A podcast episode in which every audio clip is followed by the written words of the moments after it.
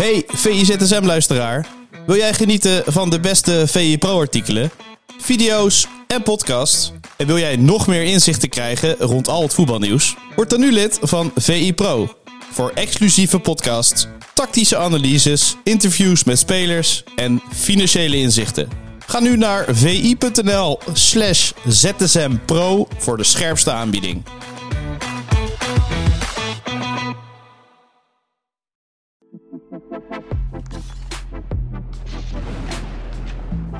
Welkom bij VZSM, de dagelijkse podcast van Voetbal International, waarin jou bijpraten over het allerlaatste voetbalnieuws. Ik zit hier deze morgen met Pieter Zwart. Goedemorgen. Goedemorgen, Jort. Ja, je ben hebt ik jezelf niet voorgesteld. ja, ja, heel goed, heel goed. Ik ben Jort. Ik mag eigenlijk weer eh, een keertje de VZSM overnemen. Vanavond, grote wedstrijd. Feyenoord Atletico natuurlijk om eh 9 uur. Eh, bij VI Pro eh, met ons vast programma Rondje Eredivisie hadden we het over eh, dat het de belangrijkste wedstrijd voor Feyenoord is in 20 jaar. Hoe zie jij dat? Europese wedstrijd. Europese wedstrijd, ja. ja, dat zie ik niet zo. Ze hebben natuurlijk tussendoor een Conference League finale gespeeld. En ik denk dat ja, een Europese finale, dat is zo groot, dat is zo'n happening. Er kwam natuurlijk ook zo'n volksverhuizing op gang naar Tirana, dat dat van een ja, andere orde van grootte is. Maar je kunt natuurlijk ook zeggen van, ja, sportief is de Champions League het hoogste.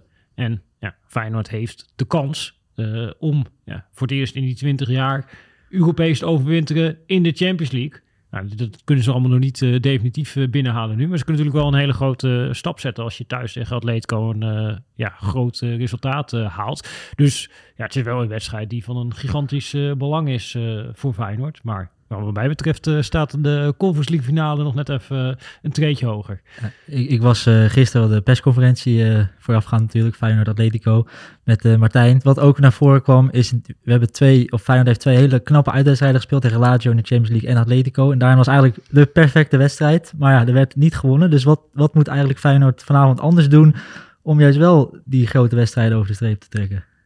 Ja, dat is een goede vraag Ja. natuurlijk. Het, ja, er zit natuurlijk met name in ja, details. Dat klinkt altijd een beetje Ja. clichématig natuurlijk. eh, alleen op topniveau worden daar wedstrijden wel beslist. Dus dat gaf Slot volgens mij ook aan in zijn persconferentie. Ja, een van die drie doelpunten van Atletico. Want Atletico is geloof ik die wedstrijd negen keer in de 16 van Feyenoord geweest. Ze hebben in totaal zeven doelpogingen gehad. En daar hebben ze drie doelpunten uitgemaakt. Dus dat is vrij eh, effectief. Maar er zat dus een corner bij. Nou, daar gaat het wel weer over eh, ja, details. Hoe ga je zo'n corner verdedigen? Een voorzet die echt heel slecht werd verdedigd. En nou, dat gaf volgens mij slot ook aan. Dat het is wel een typisch Atletico eh, aanval. eh, hoe die voorzet eh, tot stand kwam. En ook precies waar het ja, lastig is voor een team als Feyenoord tegen een team als Atletico. Dus je hebt die eh, vleugelverdedigers van Atletico spelen met drie centrale verdedigers die heel hoog opkomen. En dan zit er altijd zo'n moment tussen dat je eigenlijk de vleugelaanvaller moet overgeven aan de back. En als dat net niet goed gebeurt, dan kunnen ze een voorzet eh, geven. Ja, en dan in de 16 eh, moet je natuurlijk ook ja, goed verdedigen bij spelers zoals Morata en Griezmann. Dus als je die een halve meter geeft, eh, dan gaat het raak. En ja, het gaat om dat, om die details eh, van, ja, met name ook in je eigen strafschopgebied, om daar goed te verdedigen. En dan in hun strafschopgebied dodelijk te zijn, zoals Atletico wel dodelijk was. Ja, daartussenin, tussen de strafschopgebieden in, ja, daar heeft Feyenoord laten zien dat ze met iedereen kunnen wedijveren. Alleen ze moeten in de Champions League nu ook laten zien dat ze binnen de strafschopgebieden goed genoeg kunnen zijn om daadwerkelijk kans te maken op overwintering. Ja, Jiménez was er vorige keer ook niet bij tegen Atletico, die er nou ook weer bij. Dat scheelt ook alweer, denk ik. eh. Dat zou moeten helpen, ja. Ja. Dat zou moeten helpen. Ik zag eh, in die vorige wedstrijd tegen Mallorca dat eh Wietsel speelde toen nog in het midden van, de, die, van dat centrum. En die is niet meer de snelste. Dus toen dacht je, ah, als daar Jiménez tegenover staat. eh, alleen, ja, Jiménez, de verdediger Jiménez, die kwam van de bank. Dus ik vrees eh, voor Feyenoord dat het eh Jiménez tegen Jiménez wordt. En dat is wel echt een ja, sloper die er dan in komt. Dus dat gaat geen makkelijke wedstrijd worden voor eh Jiménez. Want jij schreef Tegen ook... Jiménez. ja, Jiménez, ja, dat wordt nou heel ingewikkeld. Maar Ja. nee, jij schreef ook op pro over Seruki, want die had vorige ook een vrij bepalende rol. Klopt. In, in, de, in de competitie wordt hij niet altijd in de basis, en in, in die grote Champions League wedstrijden wel. Hoe zie jij dat vanavond? Nou, mijn verwachting is dat hij gewoon eh, gaat spelen in deze wedstrijd. En ja, daar wordt dan inderdaad gezegd, oh ja, Champions League, eh, niet Champions League. Maar dit- in dit geval zit er voor mij ook een hele logische tactische reden achter. eh, waarom ik denk dat hij gaat spelen. En dat heeft te maken met hoe Atletico speelt. Dus die hebben eigenlijk ja, 5-3-2 op papier, 3-5-2, net hoe je het wil noemen. En dan is Griezmann een van de twee spitsen. Alleen Griezmann staat niet in de spits. Dus die komt er als vierde middenvelder bij. En dan is het, hoe ga je dat organiseren als Feyenoord. Nou, als je niet het risico wil lopen om volledig één op één te spelen door je centrale verdedigers door te laten dekken op uh, Griezmann, en dat kan eigenlijk niet, want zover is hij uit positie, ja, dan moet je een vrije controleur hebben in die zone daarvoor. Uh, en dat is de reden dat je dan eigenlijk Saruki daar neerzet. En het tweede is dat normaal gesproken op het middenveld van Feyenoord zit een beetje tussen de punten achter en de punten voren in. Met Timber als een soort pendelaar, Wiever als de controleur dan Stenks een beetje rechts op 10. Alleen als Stenks op die positie zou spelen tegen Atletico, dan staat hij tegen over Saul Niguez. Je moet vooral zeggen als je die meer kan volgen. Maar Saul Niguez, die ja, loopt heel veel naar voren zonder bal. Uh, en die ja, komt soms bijna als een soort van uh, linksbuiten te spelen. Uh, of tweede spits. En in die vorige wedstrijd moest Wiever daar iedere keer achteraan. Maar je kunt je voorstellen dat als je ja, de normale opstelling hebt, dan is het Stenks die daar helemaal achteraan moet. En ik denk niet dat dat iets is wat Slot zou willen in deze wedstrijd. Dat je ja, uh, Stinks bijna als een uh, veredelde rechtsback op momenten wil laten spelen. Omdat hij achter die uh, Seoul aan moet. Dus ik denk dat dat soort tactische overwegingen door het hoofd van Slot spoken. En aan de andere kant zal hij willen winnen. En kun je misschien redeneren van nou, we moeten misschien iets meer risico nemen dan dat we dat uit hebben gedaan. En juist wel voor die aanvallende opstelling kiezen en in sommige momenten één op één komen over het hele veld. Alleen, dat lijkt mij persoonlijk iets wat je misschien meer gaat doen in de tweede helft, om dan echt iets te forceren, dan dat je vanaf de start uh, zegt van de, alle remmen los en zien hoe het loopt. Want dan ben je Griezmann waarschijnlijk een keertje kwijt. Martijn, uh, want ik sprak gisteren ook met Martijn, die zei ook, ik verwacht geen behoudende wedstrijd, maar echt wel twee aanvallende ploegen. Denk, denk jij ook? Uh... verwacht geen aanvallend Atletico, nee, Atletico. Nee? nee, dit, totaal niet. Nee, Atletico uh, blijft Atletico. Dus die, die maken wel doelpunten dit seizoen. Dus het, het oogt soms wat attractiever, maar in dit soort wedstrijden dan gaan ze hun ja, normale identiteit uh, weer aannemen. En die weten dat er een resultaat uh, nodig is in deze wedstrijd. Dus ja, die gaan ook gewoon uh, op momenten ga je die gewoon met elf man op de eigen helft teruggetrokken zien in extreem kleine ruimtes. Zeker als ze op een gegeven moment het resultaat op het scorebord hebben staan waarvan ze denken dit bevalt ons wel. En dan wordt het traineren, vertragen, verdedigen en alles heel klein maken. En ja, je ziet er dan nog maar eens doorheen te spelen als Feyenoord. Dus ja, we hoeven niet van Atletico te verwachten dat die naar Rotterdam komen met het idee, we gaan er een voetbalfeest van maken. Nee, die komen maar voor één ding. En dat is een resultaat halen waar zij uh, belang uh, bij hebben, waar zij baat bij hebben. En ja, Diego Simeone zal zijn ploeg tot de tanden toe bewapenen om dat voor elkaar uh, te krijgen. En ja, die is hier niet om een voetbalfeest te organiseren. Wat Onderslot wel aankaarten, het publiek ook. Hij zei echt van, het publiek moet 95 minuten lang vol gas geven. Wij ook, maar het publiek ook. Maar ja, is grappig. Hij deed dat, recent deed hij dat ook al voor de wedstrijd tegen AZ. Uh, en hij neemt zich blijkbaar echt voor op die persconferenties. Van, uh, ik ga ook een signaal uh, uitzenden naar het publiek. En dat is denk ik ook omdat hij weet ja, dat ze dat nodig hebben in deze wedstrijd. ja, dat als ze die steun hebben van het publiek. Je ziet het ook echt terug in de data in de Champions League. Dat ze agressiever druk kunnen zetten thuis. Hoger de bal op het veld veroveren. En dat is denk ik ook een beetje die dynamiek tussen ja, stadion en ploeg. Uh, en ja, hij wil dat zien op deze avond. En uh, er was een oproep alvast uh, aan de fans. ja, die moet ook meedoen. Hij stuurt ze nog net niet op trainingskamp, maar het scheelt niet veel. Ja, vorige keer hoorde ik ook bij ons op de redactie een beetje Simeone light. Omdat tegen Lazio was Slot ook heel erg aan het dirigeren en dat het publiek aan het opzwepen. Dus misschien dat we twee hysterische trainers dan zien langs de kant. Dat, dat zou zomaar kunnen. Dat zou zomaar kunnen. Al denk ik dat hij iets rustiger is langs de lijn dan Simeone. Ja, ja dat, denk ik ook. En um, Memphis er ook weer bij natuurlijk. Uh, Simeone zei, was heel kort over Memphis. Er werd gevraagd vanuit ESPN van, uh, is hij beschikbaar? En wat, wat is zijn invloed op in de ploeg? Het was het antwoord was meteen, uh, ja, hij is gewoon, hij kan starten. Ja. toen liep je meteen. Ja, drie, vier woorden, toen was het klaar, ja. ja. dat was een mooi beeld. Ik uh, was er live bij, dat is mooi om te zien. Dat ja. kort maar krachtig, laten we zeggen. Dan ging ook kort over Rijnen, of Etienne Rijnen wordt waarschijnlijk, of nou, dat wordt de assistent van, nieuwe assistent van Feyenoord. Heb jij daar nog een mening over? Heb ik daar nog een mening over? Nou, uh, Slot zei het ook. En ik was toevallig recent bij uh, Dick Scheuder. Die wilde hem ook als assistent uh, hebben. Okay. Je hem als assistent gehad bij Peck. En die wilde hem meenemen naar Spanje. En de Spaanse zonde zei hij nee tegen. En ja, dit wilde hij wel. En ja, de, de geluiden die je erover hoort... Ja, zijn positief. Dat het een ja, vakman is die het serieus neemt. en ja, daar iets van probeert te maken. En ja, Slot heeft natuurlijk goede connectie bij zowel PEC als Cambuur. En ja, daar eh, heeft uh, Reine gefunctioneerd. Dus in die zin is het misschien niet toevallig dat hij daar weer uitkomt. Die zit gewoon in dat netwerk. Dan sluiten we Feyenoord af. Nog een korte voorspelling?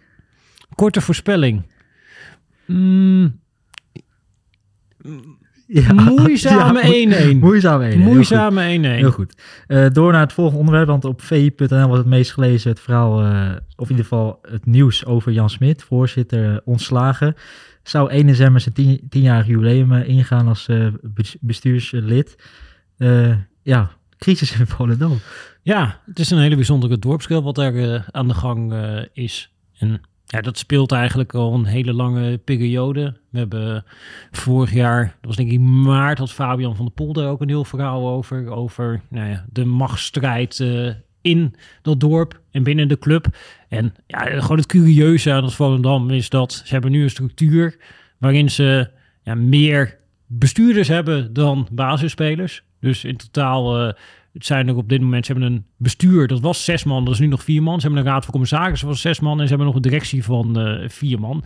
En daarbinnen is ook nog een totale richtingenstrijd uh, gaande. En ja, dat leken ze aan het eind voor het seizoen, ook met iets betere resultaten, leken ze het weer op de rit te krijgen. En nu uh, ja, staan ze natuurlijk slecht voor in de competitie. De transferzomer is behoorlijk mislukt en ja, nu ontploft de boel. En het gaat ook wel gevolgen hebben, want nu is het inderdaad Jan Smit uh, die, ja, die zit dus in het bestuur. En het bestuur zit boven de directie. Uh, en het is wel duidelijk dat vanuit de commissarissen de wens is dat uh, ja, uit de directie Ruben Jonker en Jasper van Leeuwen, die het technisch beleid vormgeven samen met mhm. Wim Jonk, dat die weggestuurd gaan worden. En dat voorspelde Smit ook, dat dat de volgende stap is, dat die ook weggaan. Dus ja, dan gaat het ook echt het voetbal raken. en ja, je moet eigenlijk zo zien dat Jan Smit gaf de rugdekking aan die voetbalmensen. En die rugdekking is nu weg. Dus ja, ik zou denken dat dat uh, ja, project, dat het misschien nu wel uh, op zijn einde loopt uh, met Jonk. Ja, voor oneenigheid hè, met de RVC. Ja, Jan Smit zou ik de architect inderdaad, wat jij zegt met de Jonkind en Jonk en Van Leeuwen. Dat zijn echt de architecten van het voetbal bij Volendam. Ja, die gaan dan allemaal weg nu. Ja, dat is nog niet zo ver, maar dat, uh, dat zou kunnen gebeuren. Omdat ik zeg dat uh, hij gaf uh, die rugdekking. En ja, als je kijkt naar de afgelopen jaren. Ja, het is natuurlijk ook net een beetje hoe je er naar kijkt. Maar als je het gewoon plat voor iemand buiten het dorp is niet te begrijpen. Omdat Volendam, ja, toen zij binnenkwamen in 2019. Ja, toen waren ze nummer 16 van de keukenkampioen-divisie. Ja, nou, dat eerste jaar dat zij binnenkwamen, ja, dat was het coronajaar. Toen stonden ze derde toen de competitie werd stilgelegd. Nou, toen dit jaar daarna was iets minder, uh, zevende. Maar uh, het derde jaar, toen zijn ze gepromoveerd naar de Eredivisie. Nou, vorig seizoen zijn ze na die systeemwissel in de winterstop... zijn ze natuurlijk op een knappe manier ingebleven. En dan ja, denk je als buitenstaander van oké, nou blijven in de Eredivisie. Was volgens mij ook uh, voor het eerst sinds uh, x jaar. Want de twee voorgaande keren dat Volendam in de Eredivisie zat, degradeerden ze er direct weer uit met de heen en weer. Nou, nu bleven ze erin. En dan denk je, oké, misschien kan er iets gebouwd gaan worden. Maar dat, nou ja, als al gaat gebeuren, dan gaat het niet met deze, deze mensen waarschijnlijk gebeuren. Omdat ja, ze dus niet met elkaar eens kunnen worden over ja, de koers die die club uh, moet varen. Uh, en ja, er zit een heel ingewikkeld verhaal achter van dat ze van een stichting naar een BV willen en hoe er dan de directie ingericht moet worden. En ja, ja op dat soort punten ja, is het gewoon geklapt. En ook op uh, discussies over financiële risico's die je wel of niet kan nemen. We hebben volgens mij allemaal ook die avond gezien met die beelden van Jan Smit in discussie met de voorzitter van de RVC,